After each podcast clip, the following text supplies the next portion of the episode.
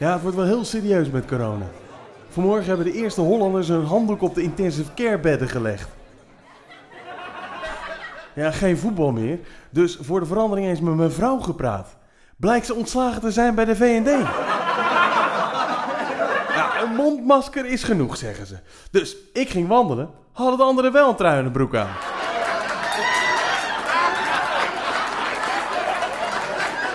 Wanneer je denkt dat het lachen je zal vergaan, komt de humor juist tot leven. Het werkt aanstekelijk. In 1962 brak er in Tanzania zelfs een lachplaag uit onder meisjes van een kostschool. Waarschijnlijk had het te maken met een massahysterie die ontstond door de recente onafhankelijkheid. De lachplaag duurde bijna een half jaar. 14 scholen moesten hun deuren sluiten en er lagen naar schatting 10.000 mensen krom van het lachen. Humor is een buffer tegen stress. Het haalt de spanning uit de lucht. Een grap kan worden gebruikt om moeilijke onderwerpen bespreekbaar te maken. In elk geintje zit immers een seintje. Humor lost weliswaar geen vraagstukken op, maar het helpt je er wel overheen.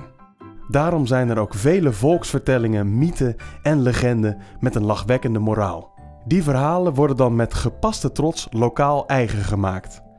Precies hetzelfde broodje aap verhaal kan namelijk in Nederland, Duitsland of België worden verteld.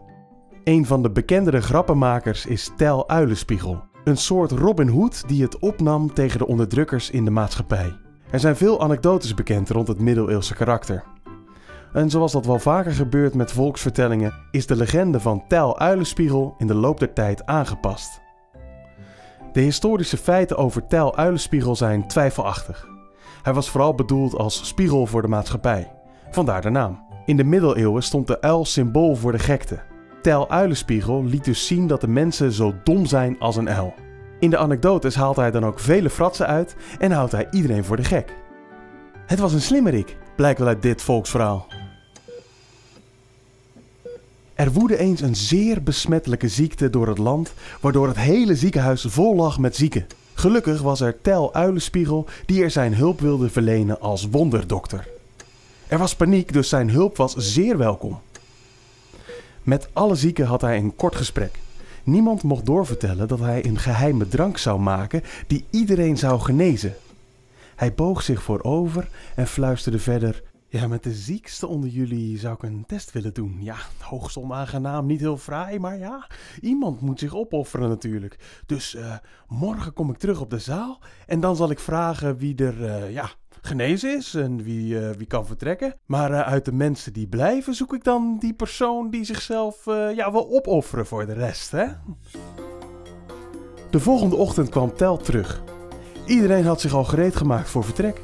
Het hele ziekenhuis liep leeg, want niemand wilde de kans lopen om deel te nemen aan dat experiment. Niemand begreep wat er was gebeurd, maar Tel kreeg zijn loon en hij haastte zich de stad uit. Lachen is gezond.